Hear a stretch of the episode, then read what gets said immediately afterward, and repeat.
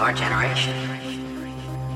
First you had the sea, and the west, the moon, drugs, the inner journey, the outer journey.